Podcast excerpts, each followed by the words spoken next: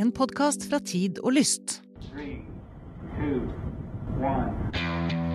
and liftoff. One, two, three, four, five, five, four, three, two, one. Enter bed. Okay, we checked all four systems, and there you go on modulation, all four, and keying with a go. Tranquility Base here. The Eagle has landed. Vi skal eh, denne episoden av Romkapsel snakke om et eh, fenomen som eh, Ja, mange har sikkert fått med seg i hvert fall tanken på det. Men aller først, Eirik, så har jeg lyst til å nevne at hvis alt går etter planen, Ja. så om en uke Da så får du altså høre, eh, og nå er jeg veldig kunstig avbalansert og rolig, eh, for dette her gleder jeg meg så innmari til. Mye innesperret begeistring her borte. Jeg Det ser er det. det. det, er det, det, er det. Den, den, den skal få slippe ut. og det, En eller annen øvelse må til, sånn at eh, stakkars Mike ikke skal bli helt sånn uh, ihjelhakka av uh, rare spørsmål fra Norge. Sånn fanboy-digging som vi eh, veldig fort kan havne i med tanke på at han, han Mike Massimino eh, to ganger opp med romferja 2002-2009. Reparerte romteleskopet begge ganger. Eh, En av de som har romvandret mest og mest komplisert. Utrolig kul type. Så ja, vi bare det, dette, dette er stort. Eh, og er, det er faktisk en ordentlig astronaut. Altså, Ja. Med all respekt til Gaute Einevold, som vi hadde her for en stund siden. Eh, veldig gøy å høre denne episoden også, altså, med vår nær astronautopplevelse. Men, eh, men nær nesten-astronaut Gaute. Eh, Nå er det faktisk en ekte astronaut Ja. som har vært eh, i verdensrommet opptil flere ganger.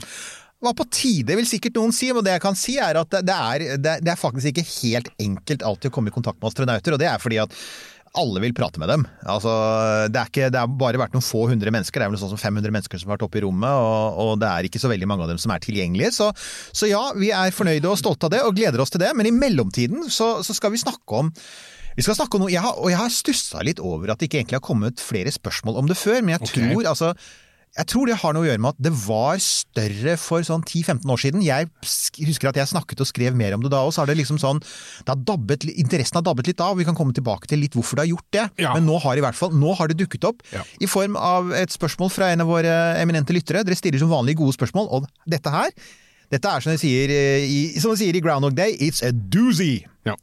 Eh, det er Henrik, Det er Henrik. som eh, skri Hei, Henrik. skriver. Hei, Henrik. Og Henrik skriver hei. Tusen takk for at dere har gjenopplivet min barndoms interesse for verdensrommet. Setter stor pris på podkasten. Hyggelig, Henrik. Eh, Jeg føler det på samme måte som deg. Ja. Eh, For en del eh, år siden leste jeg en sci-fi-bok der de benyttet seg av en romheis for å komme seg ut i rommet. Tenkte ikke mer på det utover at det var en festlig idé, men for en stund siden leste jeg noe som virket å være en seriøs artikkel der det ble hevdet at det fantes konkrete planer for å gjennomføre byggingen av en slik heis. Dere er vel, som jeg oppfatter det, veldig glad i raketter? Ja! For all del. Uh... det, det, det, Henrik, det er ting som nesten eksploderer hver gang de tar av. Og som, det er flammer i den ene enden. Altså, hallo, hvem er ikke det? Men ok, bare Vi er veldig glad i ting med Ja, flammer i den ene enden. Ja. Uh, ja. Uh, men det må da være en stor fordel å slippe å forbruke så mye brennstoff kun for å komme seg ut av atmosfæren. En heis hadde da vært veldig fordelaktig om man ser for seg å kolonisere solsystemet. Er en heis i det hele tatt teknisk gjennomførbart? Hvis så, gir det økonomisk mening, eller har prisreduksjonen på oppskytninger som vi kan takke en viss elbilprodusent for, ført til at dette ikke lenger er noe man vurderer? Henrik, jeg elsker deg allerede. Ja, ja. Kan det, det er ikke ikke for bra Braun vi snakker om her, ikke sant? Nei, der fikk vi sagt han også. Ja, ja, ja. Elon Musk, Ja, ja. ja. Mm. Werner lagde vel ikke elbiler, meg bekjent? Nei. Det kan hende det var noe sånn sideprosjekt han hadde inne i den mørkeste korridoren på Pennemynde der. Ja. Eh, Kan det være at dette vil være en mulig løsning når antall tonnasje som skal opp og ned i verdensrommet eh, når et gitt nivå? Eh, Hva skal vi si? Altså, Henrik, du har jo egentlig gitt oss et helt program her, da. For her har du alle de spørsmålene som Og alt er kjempegode spørsmål, og alle sammen er superrelevante. Vi kan vel egentlig bare sånn ta dem litt sånn Kan jeg bare få lov til å Ja. begynne å svare Ja, kjapt på for, for en ting jeg vet. Det er ikke så ofte jeg kan få lov til å gjøre det, men nå skal jeg gjøre det. Mm. Uh, det har vært eh, jeg, de, Detaljene får du av eh, Eirik Newth på andre siden av bordet her. Mhm. Men ja, det har jo vært, og var i mange år, helt konkrete planer for å Mm. lage en romheis. Helt riktig. Jeg husker og har lest at eh, vi var nede på sånn detaljnivå at det ble snakka om materialet materialet denne kabelen skulle lages av. Helt riktig. Så det har, det har vært konkrete, seriøse planer, ikke eh, anført av, så vidt meg bekjent, eh, eksentriske milliardærer. Det er helt sant, det. Uh, og altså, jeg tror aller, først, til sånn en gammel klassiker til glede for nye lyttere, bortsett fra at vi har vel ikke snakket om det før, så det blir feil, men altså sånn kjapt hva vi snakker om her.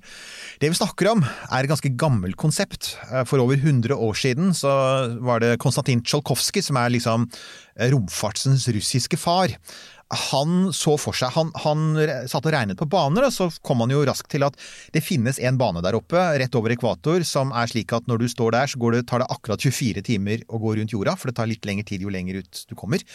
Og det vil si at en satellitt kan se ut til å stå helt stille over det samme stedet på jorda. Dette vet vi jo i dag, for de av dere som har gammeldags satellitt-TV, dere vet at antenna peker mot samme sted på himmelen hele tiden.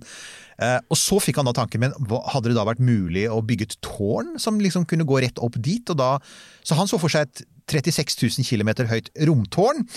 Litt seinere, på 60-tallet, så var det nye russere som begynte å komme med ideer om kanskje ikke tårn, men hva med å senke en kabel ned til bakken? Og kunne man da istedenfor å bruke raketter, så kunne man bruke den kabelen til å liksom trekke ting opp og ned som en heis, og slik kom da begrepet sånn space elevator inn i uh, samtalen, og så holdt på man med det i mange år. Og det er jo noen innmari gode argumenter for det, som han er inne på. Uh, for det første, du bruker ikke rakettbrennstoff, du bruker strøm. Jeg tror det er litt feil, egentlig, hvis du tenker på det. Da, så er det litt feil. Altså, man tenker heis, og da tenker du sånn liten heiskabin. Men du skal jo reise innmari langt. Ja. 36 000 km. Ja. Eh, og hvis du tenker at du kjører i 1000 km i timen, da.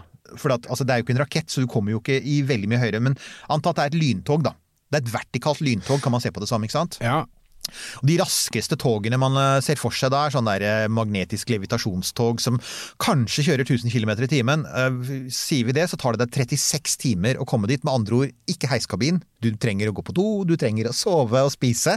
Så det er i praksis så er det som et uh, tog som kjører oppover.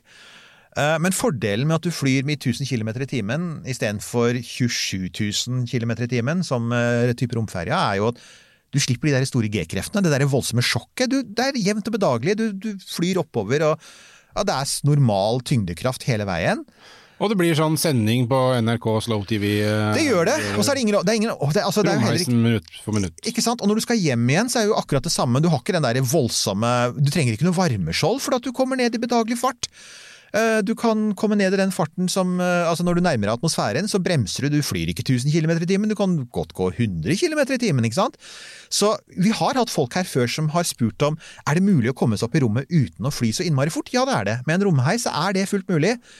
Og den største fordelen med det altså, Dere har elbil, ikke sant? Eh, Ja, vi har én elbil. Dere har én elbil, Ja, og, og er det en sånn som kan, kan regenerere energi når du bremser? Ja, begrensa, men ja. Ja, for altså de gode elbilene de er veldig gode. Det, det har jeg skjønt at de gjør det sånn, sånn ja, Tesla Den gjør det så vidt lite grann, den lille vi har. Ikke sant? Og jeg tror sånn Porsche Taycan og sånn er sånn som kan virkelig hente opp mye energi når du bremser. Her vil man jo gjøre det. Man vil regenerere veldig mye av energien. For du har jo fritt fall fra helt oppe fra, altså fra 36 000 km, eller ikke fritt fall, da, men du faller jo 36 000 km nedover når du skal ned igjen. Da bruker du jo ikke noe energi, da, da regenererer det, for du bruker jo elektrisk strøm. Så dette blir ekstremt effektivt. Altså, Mesteparten av energien som går inn i systemet kan gjenvinnes, og så er det selvfølgelig det er bare strøm, så det, er, det kan gjøres CO2-fritt. Det er billigere, det er tryggere. Du, eh, denne halvgode filmen med Brad Ja. Pitt, uh, Ad Astra Ja. Var det det? Jeg tror det er den heter, Der, ja, med, sånt, det hørtes riktig ut. Det er nok Eh, en av disse filmene som er litt sånn deprimerende. Det er mye Ja, sånn mørke scener med ja. Ja, det også var, ble det veldig rart uh, på tampen der. Med. Tommy Lee Jones oppi den der romstasjonen, der hadde han Mm. vært uh, helt siden han var glattbarbert og fått et svært skjegg. Uh, men uh, der er det jo en det er, Mener å huske at det er en åpningsscene der fra en slags romheis. Helt riktig, og der faller han vel. Og det Ja, er jo det er poenget. At hvis, at det er klart at hvis en av disse togvognene eller heiskabinene løsner og faller, Ja. så, så går den jo ikke altså, Så vil den jo faktisk, litt avhengig av hvor, den, hvor høyt oppe den er, selvfølgelig. Jo høyere opp den kommer, desto nærmere bane vil den komme. Men hvis den faller fra sånn type typ 1000-2000-3000 km oppe, så vil den falle relativt fritt rett ned mot bakken.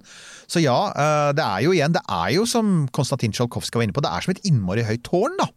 Eh, Og du vil jo da falle fra det tårnet hvis, du ikke, hvis ikke du sikrer deg, så jeg tror noe av det som kanskje er mest tiltrekkende ved tanken, det er i tillegg til at det liksom er økonomisk og trygt, er at du får et gigantisk transportvolum. Altså, jeg bare gjorde sånn kvikk sånn eh, matte her. Hvis du tenker at det er ca. 100 km mellom hvert tog oppover, da. Så er det 360 tog da, som er på vei opp og ned til enhver tid, ikke sant. Eh, 100 km er god margin. Da har du liksom seks minutter hvis du kjører i 1000 km i timen. Så da liksom, du har god margin mellom togene. Um, og ja, da har du eh, er, Du kan frakte enorme mengder stoff opp, som hvis du f.eks. vil bygge en koloni på Mars.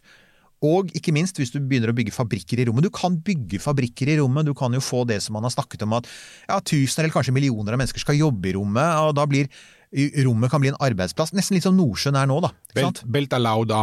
Ja. I, ja, har du begynt å se på På Expanse? Expanse? Jeg har det, Ja. og nettopp. ikke sant? Og, og da, kan, da, kan vi ta i bruk, da kan vi ta i bruk asteroidebeltet. Ja. Da kan vi hente ressurser fra asteroidebeltet, og kanskje ta Og faktisk så kan vi komme til å trenge minst én asteroide. fordi at som eh, man jo raskt oppdaget, det holder jo ikke bare å senke en kabel ned, for altså, den vil jo prøve å trekkes ned. Du trenger en motvekt for Men, å holde den i strekk. Ja? Så det betyr at du trenger også en asteroide i motsatt En ende. mo moring! Jepp. Ja. Ikke sant?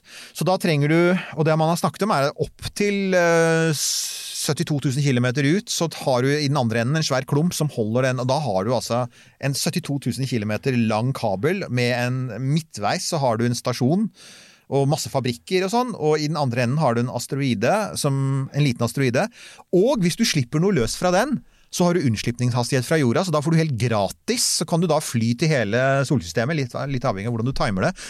Den blir som en svær slynge, som kan drive og slenge romskip og mennesker Ja, og, i tillegg så, så vil du jo ha muligheten da til å, å måtte ha bensinstasjonen si, for raketter og sånn der oppe, og det, Ja. vil, du vil jo kunne eh, Da har du i hvert fall gjort et stort problem mindre ved, altså, Ja. ved frakt av drivstoff, så da kan du komme lenger eh, ut. Du kan hente inn en komet, ikke sant? Da har du vann, da har du Ja. hydrogen og oksygen, som er brennstoff. ikke sant? Det er masse karbon der. Du kan lage metan, som er det SpaceX og Blue Origin har tenkt å satse på nå. Men ja. Eh, Og, og ikke bare det, men det går jo også an å bygge romheiser rundt andre planeter. Det går an å bygge en romheis på månen, det går an å bygge en romheis på Mars.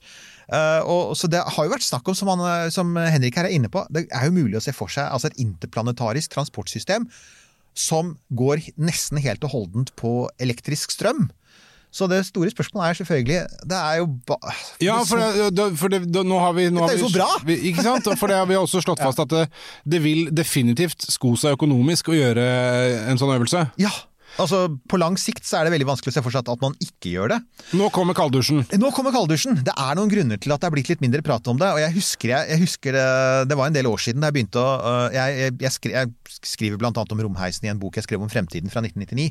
Eh, og noen år etterpå så måtte jeg revidere litt det som sto i den boka, rett og slett for at da var det begynt å dukke opp noe litt sånn misgivings, altså litt sånn eh, Folk hadde begynt å tenke litt og regne litt mer på det. Og, og ikke bare entusiastene, men også folk som er mer skeptiske. Og da var det både Folka fra BI. Folka fra BI, eh, så økonomene hadde sett på det, og dessuten en del ingeniører, og noen astrofysikere som sa men unnskyld meg, hvis du har en eh, Altså for det første, da, det åpenbare.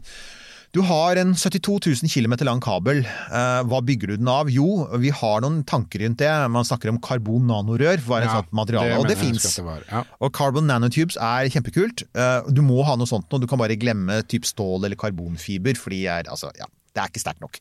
Karbon nanorør, eller til og med diamant nanorør, har folk snakket om. Eh, Det, det, er, nok, det er nok mulig. Men, men altså det vi ikke veit hvordan vi gjør er jo ennå, er jo hvordan du produserer det i, for det første i stort nok volum. Ja, det var det første. Det, det lille jeg vet om karbon nanorør, er jo at eh, de klarer å lage det, Ja. eh, men de klarer å lage det i veldig små kvanta. Ja. Så hvis man skulle gjort det med måte, dagens tempo, så ville vi jo vært for lengst eh, døde og begravet alle sammen før de hadde klart å bare lage nok råmateriale til denne kabelen. Og et lite hint om hvor vanskelig det er å bruke karbonteknologi i rommet, med alle disse store temperaturforskjellene og slike ting, det fikk vi jo da, da SpaceX, når de bygger jo sin nye rakett Starship, som folk driver og maser om at vi skal lage en ekstrasending om, og det kommer, det kommer, bare de har sprengt noen flere av dem. Rudd! Men, ja, litt rudder. Men altså, SpaceX jo, hadde jo opprinnelig tenkt å gå for karbonfiber uh, i, i systemet, og oppdaget etter hvert at det var, vanskelig, det var vanskelig å få til å funke i sånn romfartssammenheng. Eh, Det er vanskelig. Det er, altså, det, er ikke, det er ikke umulig, det er bare innmari teknisk vanskelig. Det er dyrt, og vi har for øyeblikket ikke teknologien på plass. Så, så, og da, i det øyeblikk du liksom Selve utgangspunktet, da, er jo at du må ha den kabelen, og den skal ikke ryke. For tenk litt på hva som skjer hvis den kabelen ryker. Hvis den ryker ja, 1000 km under festepunktet da, oppe i bane, ja, så faller jo den kabelen ned, da. Og så vil den jo selvfølgelig jorda roterer under, og du har noe som heter korioliskraften som gjør at den vrir seg. sånn at den vil jo ikke falle ned i én haug på det stedet den daler, den vil jo da etter hvert sånn falle ned og dekke ganske store områder. Og når den treffer atmosfæren, så har den, da har den stor fart, altså, for da har den falt lenge, de øverste delene av den. Så sikkerheten eh, Du må være veldig sikker på at den har strekkstyrke nok da, til å tåle sin egen vekt og motvekten og andre ting. Så det er én ting. Vi vet ikke, det er for øyeblikket teknisk eh, i prinsippet mulig, i praksis kan vi ikke gjøre det. Det andre er, og det er når du tenker på det, er egentlig ganske innlysende, eh, de togene trenger jo energi. Og eh, altså, du kan jo ikke ha Du tenker ja, ja, men det er en heis, ikke sant? Og du, heiskabler, du har strømledninger. altså En heis får jo strøm via en kobberledning. Ja, Men den kan du ikke ha, for du kan ikke ha metall, fordi at metall er for tungt og har ikke strekkstyrke nok. Sånn at kabelen blir ren karbon, for eksempel. Det blir rent karbon. Så du kan ikke ha en kobberstripe som den kan hente strøm fra. Det må bli trådløs overføring. Uh, man snakket om mikrobølger, det går an. Du kan sende energi med mikrobølger. Da må du ha en svær antenne som står i enden av uh, Ikke sant? Du, eh, bare apropos det, der, der har det vel vært noe snakk om eh, å drive noe sånt, jeg mener jeg har sett eh, noe Discovery-greier på en eller annen gang. Man skulle drive det med noe sånn eh, eh, laser og, osv. Ja. Eh, det? Skyte en stråle fra bakken og så opp. Det er det man snakker om. at Man sier at det, det lar seg gjøre, men det du trenger er da en sånn type, noen sånn megawatt-lasere, noen virkelig kraftige lasere som står nede, eh, og du trenger lasere for de kan fokusere lyset, som skyter oppover langs kabelen, og som da treffer en mottaker lenger oppe. eh, Fordi igjen, man tror ikke altså Du kan selvfølgelig lagre også i batterier, men det kommer an på hvor god batteriteknologien er. og Man mistenker jo at den neppe er god nok til å kunne klatre. For det den skal gjøre, er jo Den skal klatre sånn i 1000 km i timen vertikalt oppover mot tyngdekraften i, eh, i, i 1000 km i timen, eksempel. Og da, det sier seg selv, det, det er mye energi som skal til. Eh, og, når jeg snakker om at du kan gjenvinne energien, så er det helt riktig, men den gjenvinner du da antagelig i et batteri om bord i toget som faller nedover. Og så lader den opp et batteri på bakken som den laseren som skal skyte oppover igjen skal bruke, og du begynner å se at oi, dette her begynner å bli ganske, det begynner å bli ganske komplisert, da. Og så er det det som til, det til sjuende og sist gjorde at folk begynte å tvile, det var dette problemet med svingninger i kabelen, som er Kabelen er kjempelang. Eh, Det vil si at den er jo i interplanetarisk skala. Den er, altså dette er ikke lav jordbane, dette er et godt stykke ut mot månen. Det vil si at den er utsatt for ikke bare gravitasjon fra månen, men også fra sola. Og det man da oppdaget, var at når månen og solas gravitasjon trekker i den, så vil kabelen begynne å svinge. Eh, og det er jo ikke en god ting, for hvis du får feil type svingninger, så kan du altså hvis du får eh, det som heter harmoniske svingninger, så kan du risikere at kabelen faktisk river seg selv i stykker. Ja, det er ikke sikkert du får det, men uansett så er svingninger et problem. Eh, Det at du kjører togene opp og ned, setter dem også i svingninger, fordi at togene vil faktisk bli dratt litt av jordas rotasjon. Sånn at, og det har man da funnet ut at det kan faktisk brukes positivt, for at du kan dempe svingningene fra sola og månen ved å kjøre, time når togene går.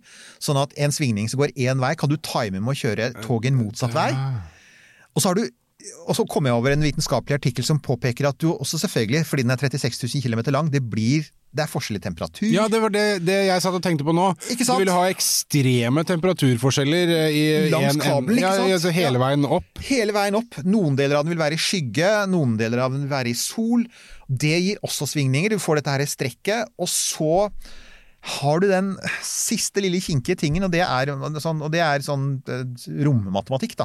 Det er at hvis du, hvis du tar en, en kabel som liksom går fra, altså, som er forankret på ekvator, og som går opp til eh, 36 000 km oppe. Alt under, alt som går i bane under 36 000 km, vil på et eller annet tidspunkt treffe den kabelen hvis ikke den kan flytte seg. Det er matematisk. Så Ja. alle satellitter, alt romsøppel, alle romstasjoner, alt vi har sendt opp i bane til nå, vil på et eller annet tidspunkt krasje med den hvis ikke den kan flytte seg. Så også, der har man også funnet ut at Og fordi at mesteparten av det som kan treffe kabelen, eh, går lavt nede, nesten helt ved starten. Altså det er et sånn typ 200-300 km over, over eh, festepunktet.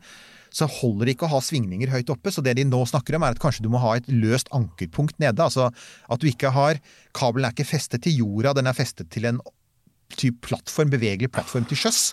Og når du da ser noen nærmer seg som kan kollidere med den, så må du da ja, du Ja, Når du ser noen nærme seg, Ja, da altså- må du jo se det Ja. så lange tider i forveien at det er jo helt spinnvill logistikk, så- bare det. Så det, det, det er ikke umulig å gjøre.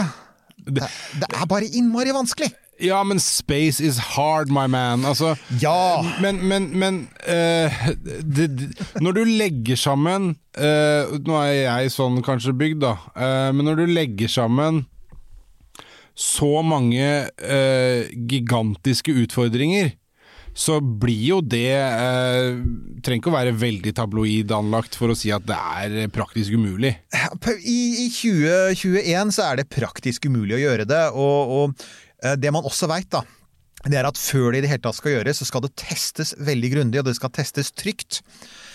Og jeg har sett der ute, hvis du går ut og prøver å google litt hva, hva folk har anslått som pris på dette, så har jeg sett ja, det er blant annet en som brukes mye av Discovery, og her vil jeg komme med en liten advarsel. Han heter Michio Kaku, han er fysiker. Og Michio Kaku har vært med i masse programmer om alt fra aliens til interstellare reiser og svarte hull. Og han er en smart fyr. Jeg har ikke lest flere av bøkene hans. Han er en smart fyr, men han er også veldig glad med å komme med litt sånn dramatiske spådommer og ting som han ikke alltid har god nok peil på. Og han har vært ute og sagt at um, ja, han anslår at dette kan koste noe sånn som 10 milliarder dollar. Og da sier Så det hørtes billig ut. Eh, så tenker jeg, Unnskyld, det dobbelte av Perseverance-romsonden, skal, du- skal det finansiere ikke bare 36 000, 72 000 km kabel, men helt ny teknologi, nye fabrikker. altså man regner med at utviklingen av Starship som skjer nå, som er basert på kjent teknologi, vil koste sånn 5-10 milliarder dollar, minsteanslag. Det er det en ny rakett koster, og det er kjent teknologi. Her er det helt ukjent teknologi, og man sier at det er i samme nabolaget. Jeg sier no way. No way, og som da igjen For Elon Musk pleier jo å si det, han sier at det er eh, pr prototypen er kjempeenkel, produksjon er 100 ganger verre, og blir også gjerne 100 ganger dyrere. Så nei, ikke tale om. Og da kommer du selvfølgelig til det som er hvem skal betale for dette, og hvem skal eie og kontrollere den, fordi igjen, denne kabelen må gå ned til ekvator. Altså, og, du, Ja, for det, det, det, det, er, det er låst. Det er gitt nå. lov- Det er der den må og Hvis du tenker på det, da, så kan tenke at hvis du, øh, altså hvis du har, senker den ned fra 36 000 km, så må du senke den rett ned. Du kan ikke senke den på skrå ned til Norge, f.eks., for, eksempel, for da får du jo et strekk den veien òg. Da får du en kabel som bøyer seg opp mot, liksom sånn, opp mot toppen av jordkloden. Alle land skal ha sin egen romheis. Så det går ikke. Det blir, det blir, øh, det blir ekvator som er, er, er utgangspunktet her.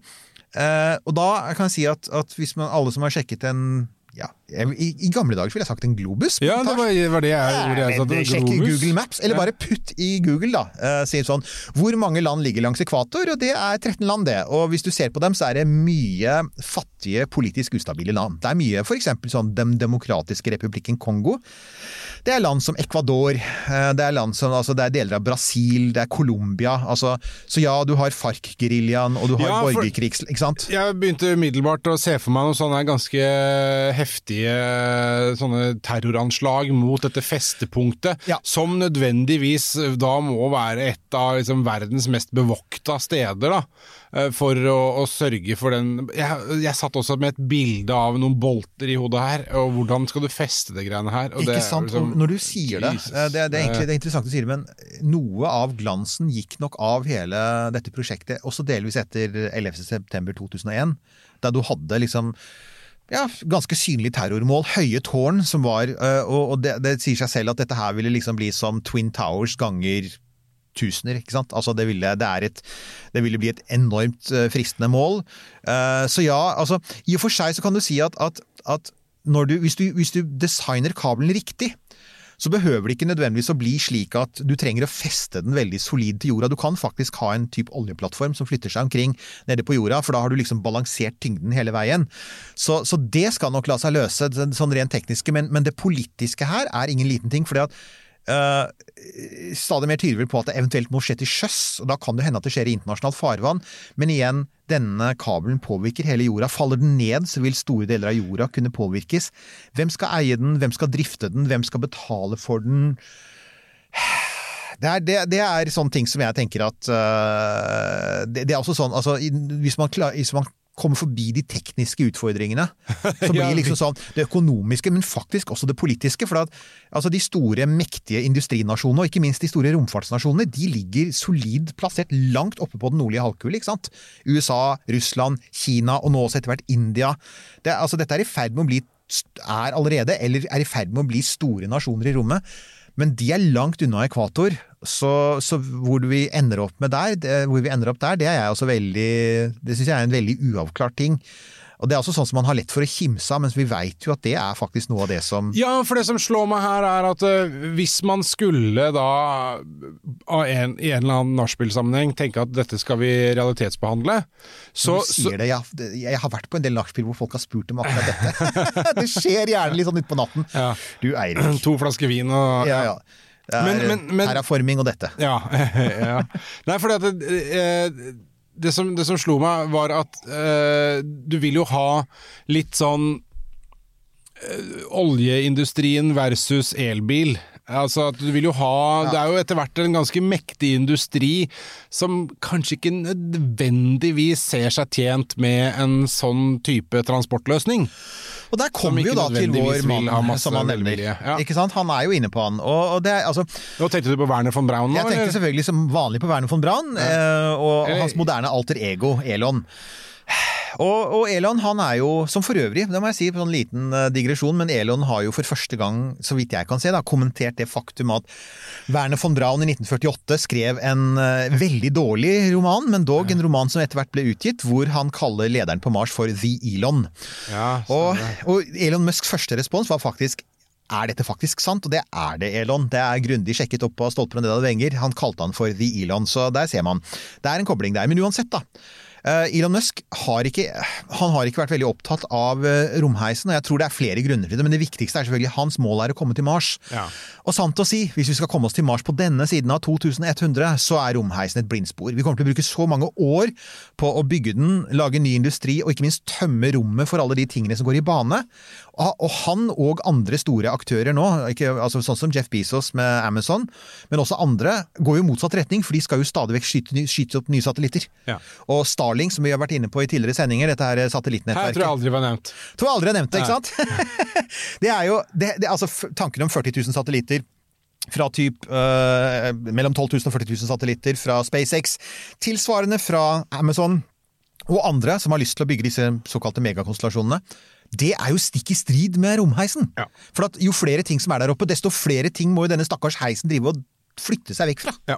Men du, eh, en ting som ikke ikke måte er eh, skrevet ned noe sted nå som mm. du ikke har forberedt, som vi ikke er forberedt på, men en tanke som slår meg. Mm. Når vi nå da på en måte har avfeid den praktiske mulighetene ved, for å bygge en romheis.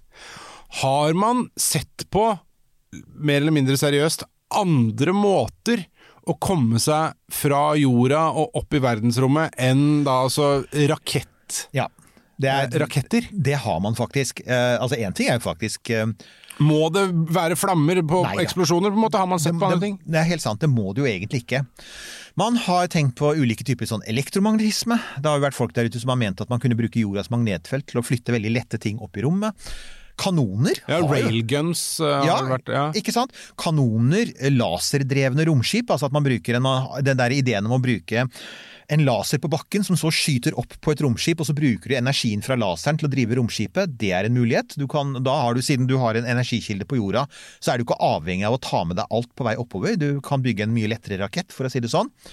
Og det fins også noen sånne Det fins noen hybridløsninger av denne her um, romheisen, og det, det består faktisk i at du, du lager en sånn slags slyngeløsning som kan eh, bruke jordas rotasjon til å liksom slynge ting opp i rommet og hente ting ned igjen.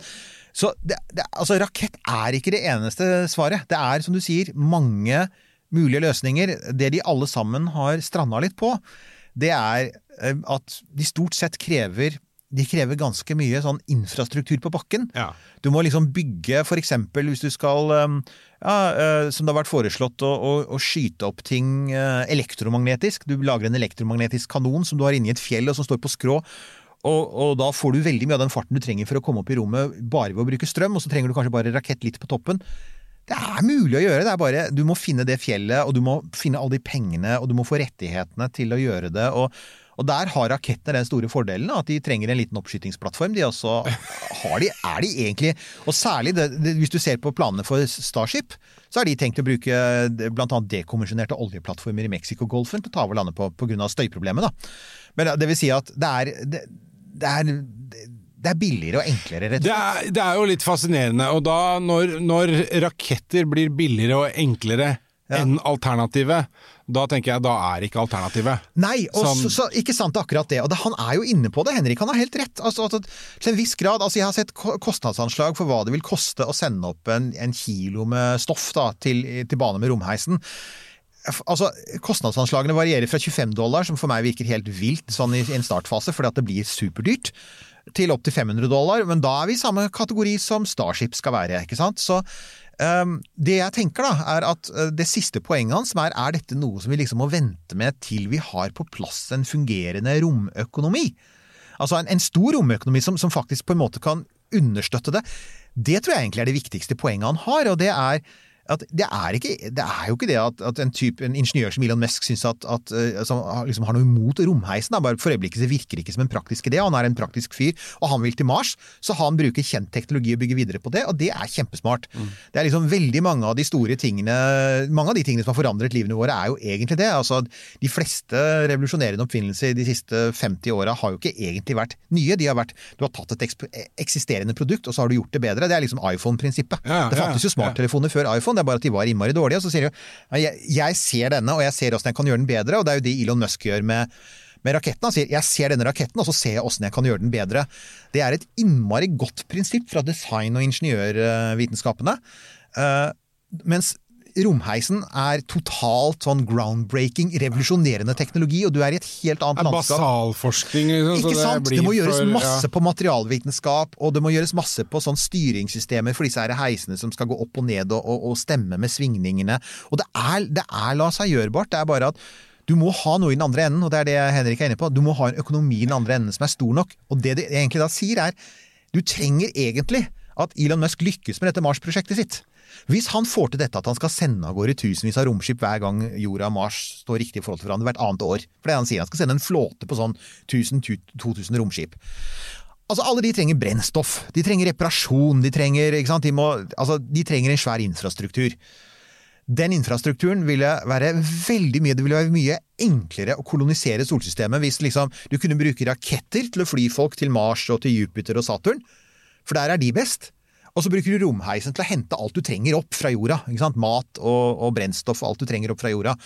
Så Sånn sett vil jeg si at det er ikke noen motsetning mellom eh, det Musk gjør nå og romheisen. På lang sikt så, så er det antagelig en god løsning at så, så trenger det ene det andre. Men der vi er nå, så er det sånn at romheisen trenger egentlig Starship mye mer enn Starship trenger romheisen. Det er vel litt der vi er.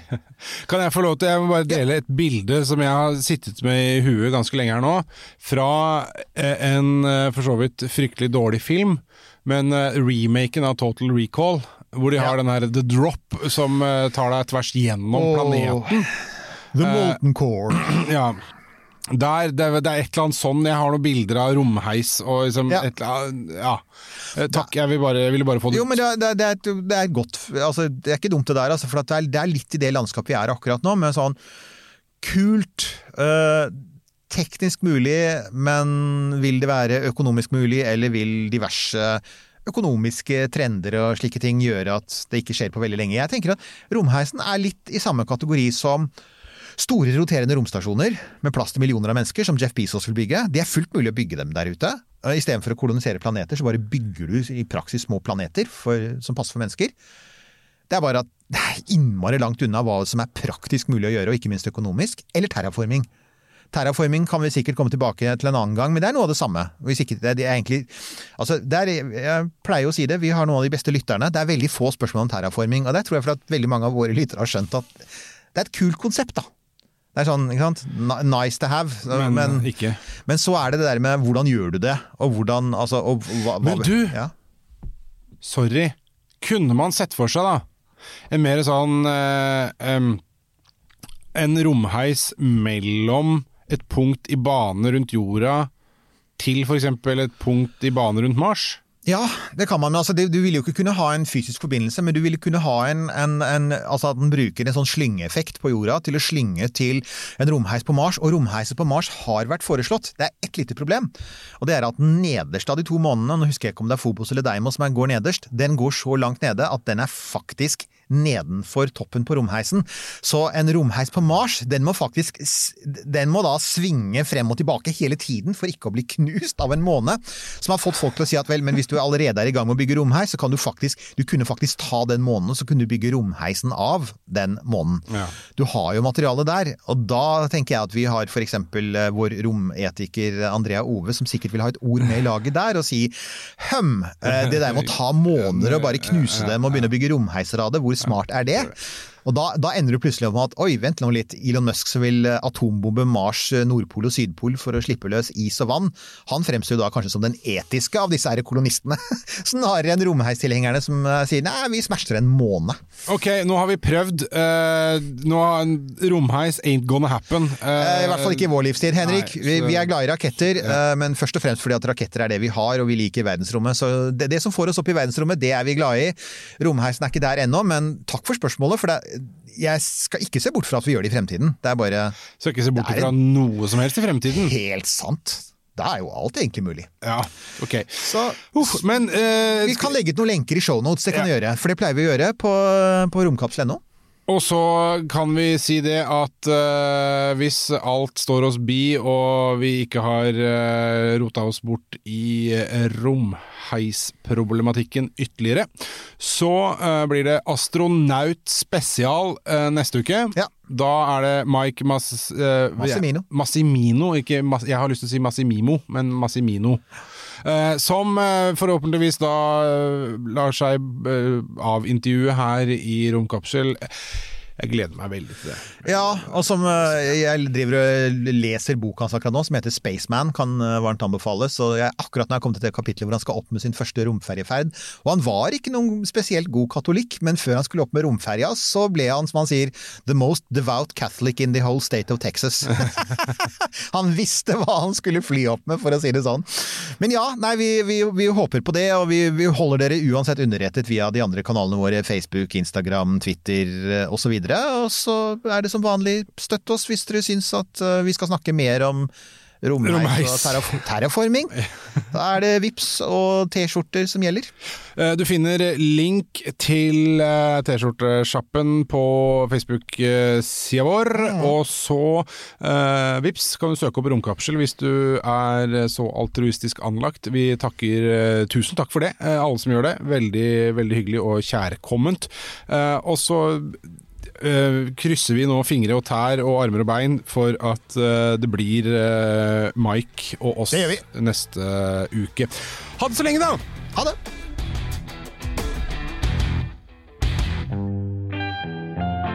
Denne Podkasten er produsert av Tid og Lyst.